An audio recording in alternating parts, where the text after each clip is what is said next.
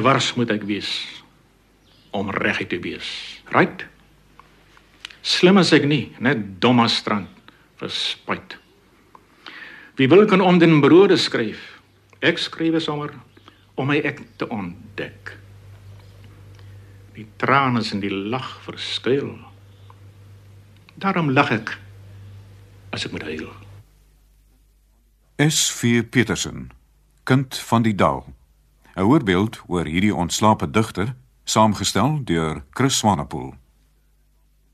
Sydney Vernon Petersen het op 22 Junie 1914 die eerste lewenslig aanskou in 'n dorpie aan die voet van die Lange Berge.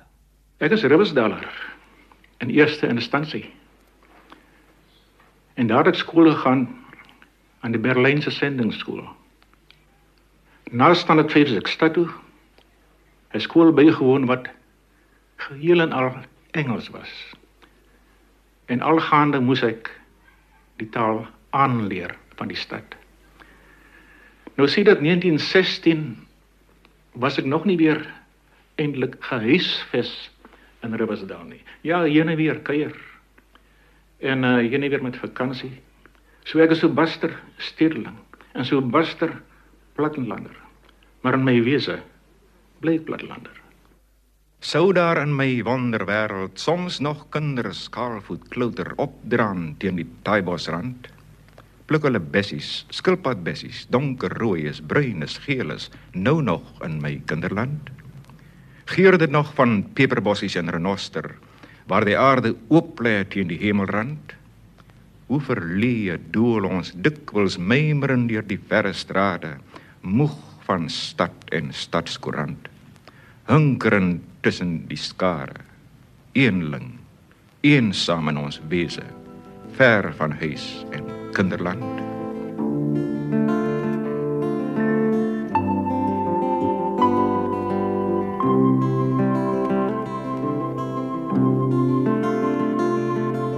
Hoe dit ook al sê toe ek begin onderwys gee, was dit in Ladysmith Kaap.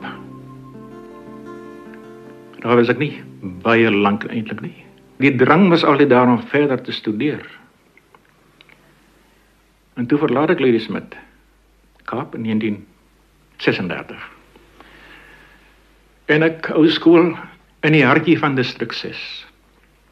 Daardie gemeenskap is verbrokkel natuurlik, né? Maar gou is ek daarvandaan weg na die sekondêre skool Batswood. En mettertyd het ek studeer vir die graad. Namiddagklasse geloop, bedags onderwys gee. En van die sekondêre skool af het ek lektor geword aan die opleidingsskool. En daarvandaan het ek skoolhoof geword aan die oefenskool Batswood. In 1947 het ek Wynberg verlaat en die hoërskool Athlone kom stig. Waar ek afgetree het aan die einde van 1974 op 60 jarige leeftyd. Ek onthou hoe ek as jong knaap hier in Athlone om die hoek van Kaapstad in distrik 6 af skool gegaan het by die Katolieke Christian Brothers. Die stem van mededigter en vriend Adam Small. Dit was nou die laaste jare van 40, begin jare van 50. En Peterson was toe skoolhoof ook in Athlone en ek het natuurlik gemeen destyds ek was 'n ontluikende digtershart as jy dit so wil noem. En mm, daar was die man so naby my as jong seun. En vir my as jong seun en held. Maar ek het tog die koerasie en ek het hom gaan opsoek met die ou vraag natuurlik van 'n jong man. Wat is die geheim? En ek onthou seker nie meer wat Petersen se raad aan my was nie. Miskien selfs nie eers veel vriendelik nie. Maar dit is soos ek hom leer ken het. Ek dink in ons gemeenskap en ek praat nou van die jare 40 50 in daardie jare was daar natuurlik baie min mense in ons gemeenskap wat wel poesie gelees het. Aldus professor Richard van der Ros, lewenslange vriend van SV Petersen. Die poësie ook wat aan ons uh, gegee is deur die skole en wat nog meer was maar die poësie van laat ons sê blanke skrywers. Ek praat van die Afrikaanse letterkunde nou van jou van Wyk Lous en jou Boerneefs en jou Idie Du Plessis en die mense. Maar is wie het begin skryf en dit het 'n lang tyd geneem dat mense werklik kennis geneem het. En ek dink tot vandag is sy werke nog nie so goed bekend onder ons gemeenskap as wat dit verdien nie. In die vroeë 1940 toe ek begin skryf het, het mense al verleë gekyk. En baie al vies ook, al kwaad. Hoe durf ek hierdie ding aanpak? En 'n sekere baie hooggeleerde man het geskryf in een van die tydskrifte. Ag ja, Petersen het talent. Maar kyk en watter gedrog maak hy hom skuldig. En dikwels word gevra hoe reageer ek op ja, kritiek van so 'n aard wat mense wat beter behoort te weet, my kritiseer en sê ek maar kyk, ek het mos nie gedig geskryf nie, hulle nie. Ek skryf. En skrywe beteken herskrywe. Dikwels skryf jy en jy voel in werklikheid jy skryf nie eintlik nie. Jy word geskryf. Die beker loop oor, Heer. Hoe lank nog? Hoe lank? Alle hemele bly stom soos 'n rots met geen klank. Hoe dof word die oë? Die lig is aan sterwe. En tog word die daglig nie daarom bederwe. Visioene van rose verdor soos die blare. Ag klein die verlies gemeet met die jare. Die stromende trane getuie van wee. 'n klein bietjie sout is nog lank nie die see vervloek so 'n stelsel van dwingelandy. Wat weet dan 'n mensekind daarvan soos jy?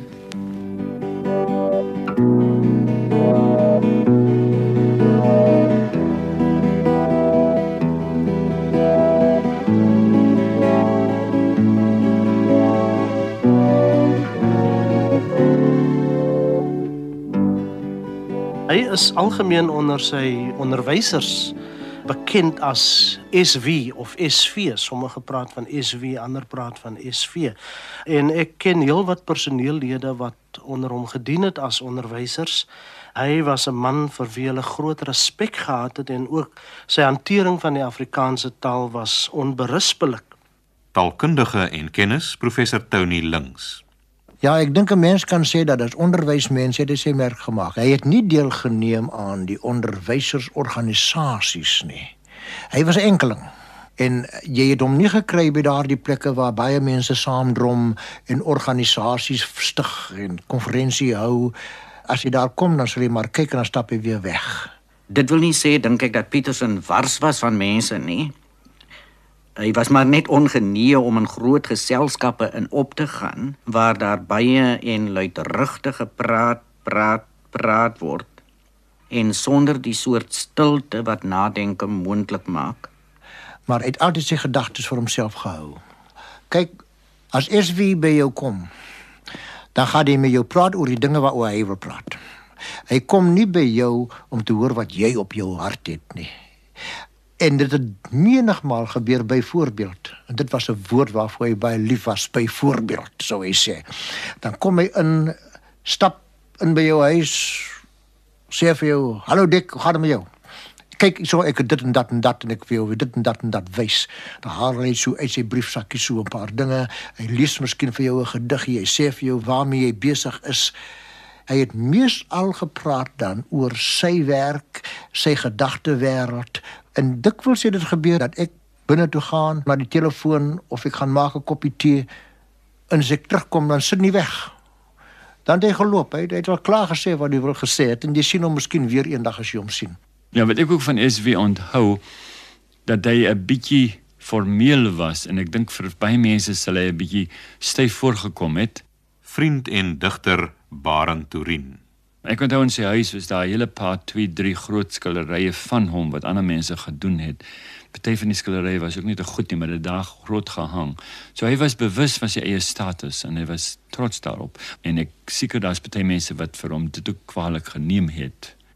Hy was baie lief vir atletiek en rugby, hy het die twee gespeel en uh, hy was lief vir die kunste. Hy kon goed teken en uh, waterverskilry het gedoen.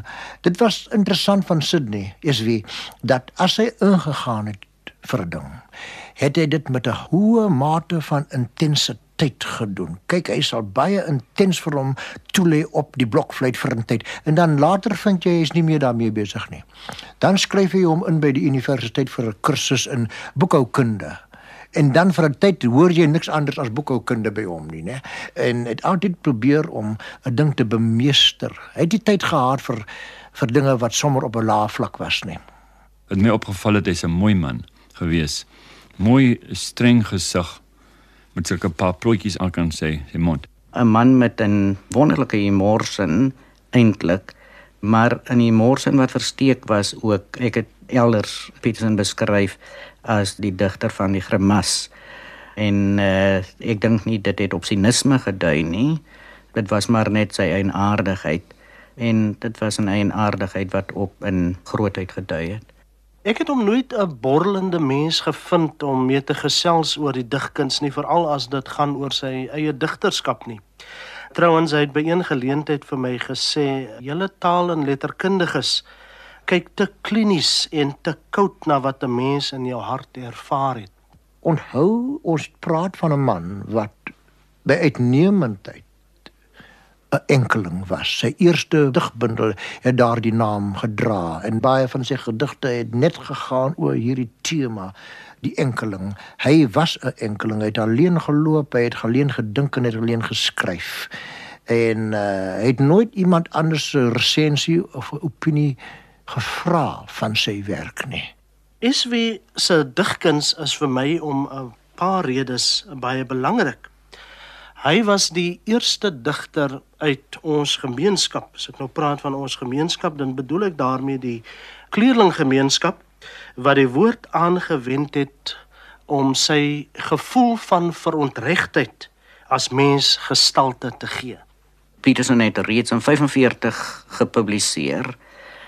En nou ja, dit is 'n tyd nog voor 48. Laat dit dan wees o Heer, dat ek 'n duisend jaar gelede teen God en mens gesondig het. Dan weet ek nou op u bevel is hierdie skurfte blootgestel. In watter diepte stank besmet en met verrotte slaim besmeer, het ek nie daar versleg dat selfs u Heer van my moes wyk, my nie wou reinig van die slyk. Laat my dan maar soos Lazarus tevrede wees met streeling van elk honger honde tong. Dan weet ek tog dis u besluit die vloekstraf van 'n donker huid. As dit u straf is dat ek so moet ly, dan wil ek swyg o Heer. Leer my berusting dan. Laat my dan maar my kruis weggaan tot waar ek voor die donker staan. Dit is dan wat 'n mens aanvanklik tref dat jy hier met 'n digter te doen het wat skryf oor bevryding. Nou ek het al die beswaar gehoor dat Peterson se verset poësie meer oor homself gaan en dat hy dig oor die feit dat hy wat so ver gevorder het op die akademiese leer dan nou nie kan aansluit by die groep waarby hy maklik kan akkultureer nie naamlik die blanke groep nie. Dat hy nie die stem is van die onderdrukte massa nie.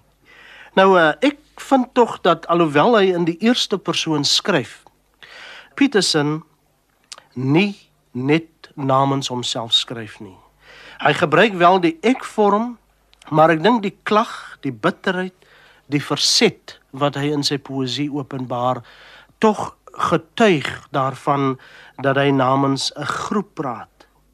Dit is belangrik dat hy die nood van die groot menigte van die mense uh, so goed geken het, ondanks daardie enkelingskap van hom, miskien juis van wie die enkelingskap En vir my is een van sy treffende gedigte die veel is wat met so 'n klaarblyklike groot liefde geskryf is.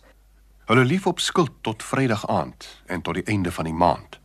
Gaan goed gekleed soos wie weet wie, trakteer mekaar op simpatie. Ontspan by voorkeur in die fliek, dans dol op radiomusiek. Sing luidkeel Sondae in die kerk, vloek roekeloos Maandae by die werk. Doen siektes op en word gesond. Gaan tog maar môre weer te grond. Teel klein goed by die tros en stort geen traan oor wat van hulle word. Die jare gaan, die jare kom. Hulle mors die 10 gebooie om. Trek kort op 60 pensioen en raak met God en mens versoen. In hierdie gediggie, die Veles, sluit hy af met die woorde en raak met God en mens versoen. Dis 'n soort houding van alles sal wel eendag regkom, 'n soort berustende ervaring van die lot waaronder hy gebuk gaan.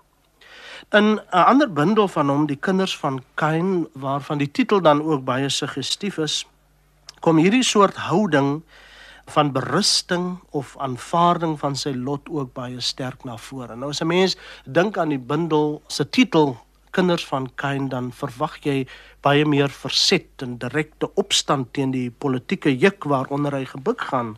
Hy is dan heel dikwels berustend of hy soek ontvlugting veral in die natuur of in die platteland. Trouwens in die gedig by 7 week spoort beskryf hy homself as onbekommerd, ongekoppeld vry.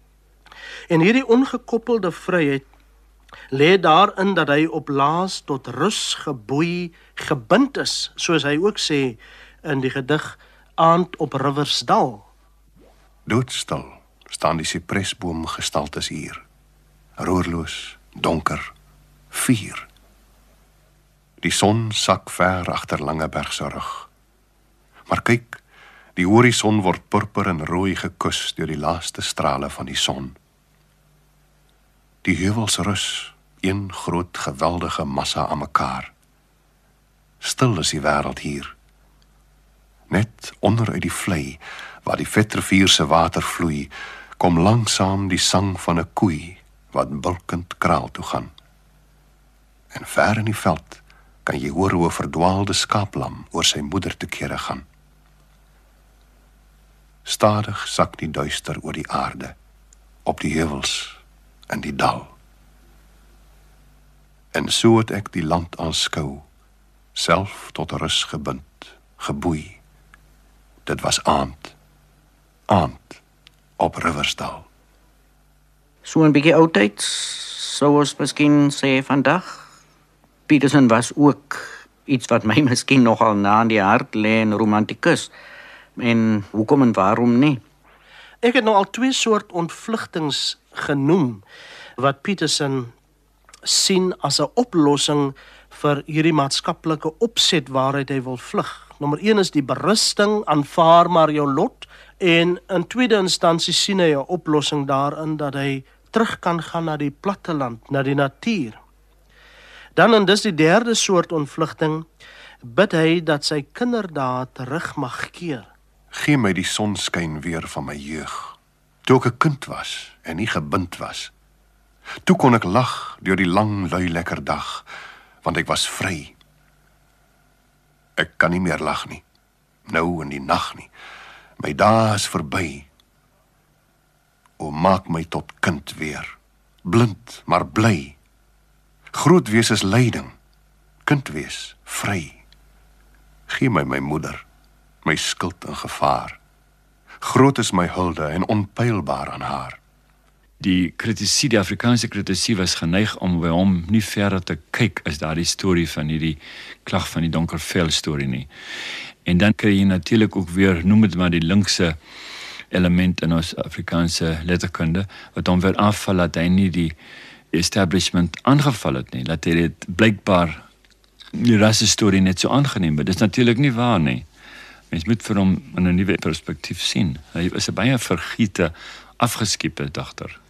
Ek sal Petersen nie aanslaan as 'n baie belangrike digter in Afrikaans nie. En hierdie gedagte word seker deur baie van die jonger digters met my gedeel. Hy dink ek kon baie sterker na vore gekom het met sy aanval op die maatskaplike orde Peterson het te sterk gekonformeer. Wat baie van die jong digters laat sê, ja, maar hy is nie veel anders as 'n Tosius of 'n Jan Efselje of 'n Louis Leipold en so meer nie. Jy lees niks anders in sy poësie as wat die tradisionele Afrikaanse digters gedig het nie. En dit is daarom dat sy digkuns ook wemel van sintaktiese stoornisse, allerlei forme van rymdwang en dat baie van sy gedigte ook moraliserend is, dat dit vir ons 'n lesie wil leer. Hoe mens bevind jou in jou plek in jou tyd. En ek meen dat die soort bitterheid wat daar in Petersen se werk te bespeur is, skaars op verbeter kan word. Rebelleer nie teen die meester. Die beker is ingeskink. Troebel tot aan die bodem. En as jy moet drink, drink.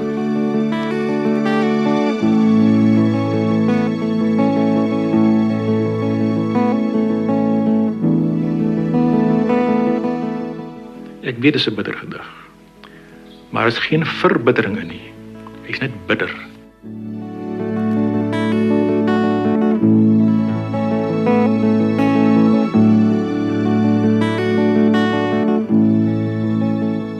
Die moeilikste ding in 'n gedig dikwels is daardie titel. Hier lê 'n boekie hier voor my en in my handskrif is hier 'n gedig en ek het daar 'n titel voorgegee. Alter ego. En daarna is hierdie gedig opgeneem in uh die kinders van Kain en toe het hy weer 'n ander titel gekry. Alleen gesprek. Miskien 'n bietjie beter, miskien 'n bietjie meer prosaïs. Ek weet nie. Maar dit is moeilik om 'n geskikte titel te vind om 'n gedig te identifiseer. Dit waarsku alom in by my dat ek maar liewer stil moet bly. Stil moet ek wees en aanhou swyg en aanhou net die hoof te neig. Speel mee in die komedie spel. Asof daar niks is wat ons kwel en dans maar in die skadu van die seremoniemeester man al om en om dieselfde kring ek is die nar die koddige ding dis jy wat opvol klouter teen die mure in jou siel uitween. So kom ons lank reeds ver vandaan. Ek met die lag jy met die traan. Maar in ons klein eenmans bestek bly ek maar jy. En jy weer ek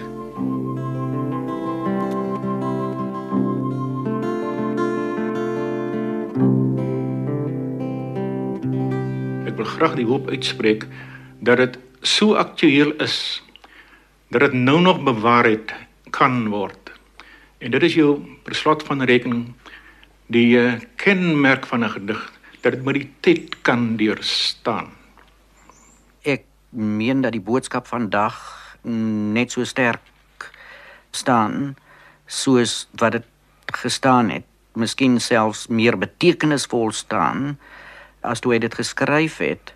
Dingetjies het verander rondom apartheid, maar die ding het nie verander nie en in daardie sin is die bitterheid wat daar uit sy verse uit opstyg, die aanklag wat rasisme betref nog nie so geldig soos wat dit maar altyd was en het die verse 'n baie besliste boodskap vir ons tyd.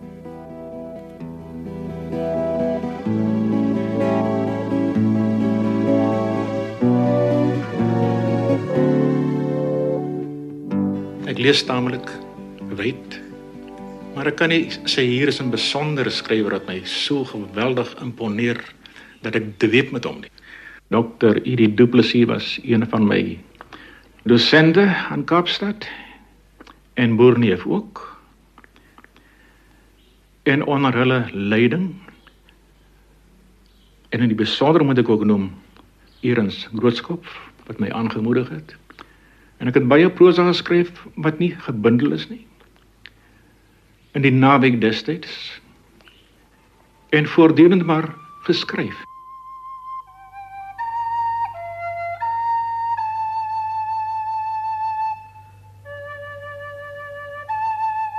Musiek nou ja, alhoewel ek die blokfluit leer speel in Duitsland. Hou ek nou nog van die blokfluit.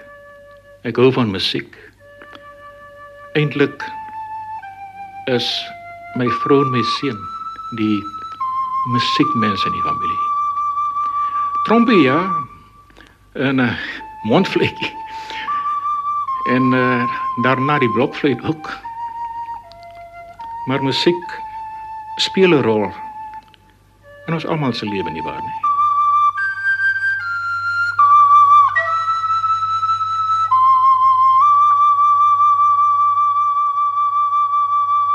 Ja, soos ek weet, hy het natuurlik Duits goed geken, hy het Duits goed gepraat. Hy het Duitsland ook besoek in Nederland, maar veral Sweden. Ek dink hy was in Swede omtrent 2, 3 keer. Dit was natuurlik, ek dink om sy wortels na te gaan. Sy vader was 'n Swede. En ek weet hier so 2, 3 jaar voor hy dood was, was hy weer in Sweden op so 'n georganiseerde toer. En dit was glo te uitputtend. Hy daar glo instorting gehad. Sy gesondheid was nie heeltemal op pyl nie.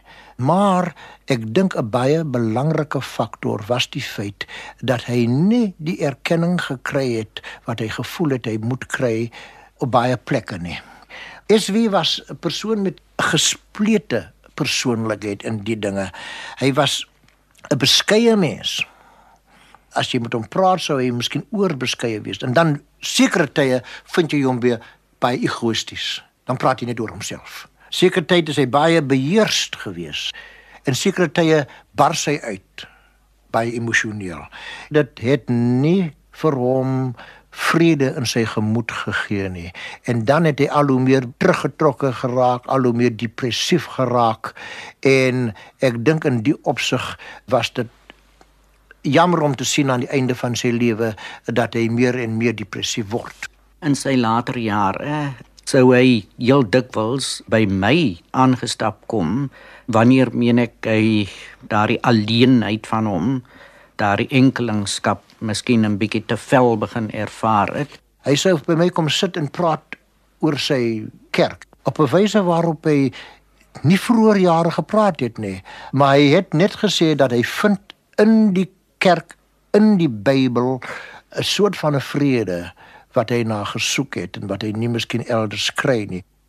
Op 30 Oktober 1987 is SV Petersen in Kaapstad oorlede. Hy was 'n alleen mens, Petersen. Doch in sy eie beeld van homself meen ek 'n mens van hierdie stuk van ons aarde, hierdie plek en tyd wat ons Suid-Afrika noem. En dit kom jy dadelik agter uit maar die titels van sy digbundels, nê? Die stilkind, die enkeling, Suiderkruis. Vra nie na my herkoms nie. Wie my pa se vader was en wie sy moeder nie. Dis noord in my en oos en wes die drie. In die voorsaad was ek die noorderling van gedaante een in die môre land. Soos ek in die hierheen ingebring. Die kiem van my wese vir goed geplant in hierdie suidehoek van Afrika.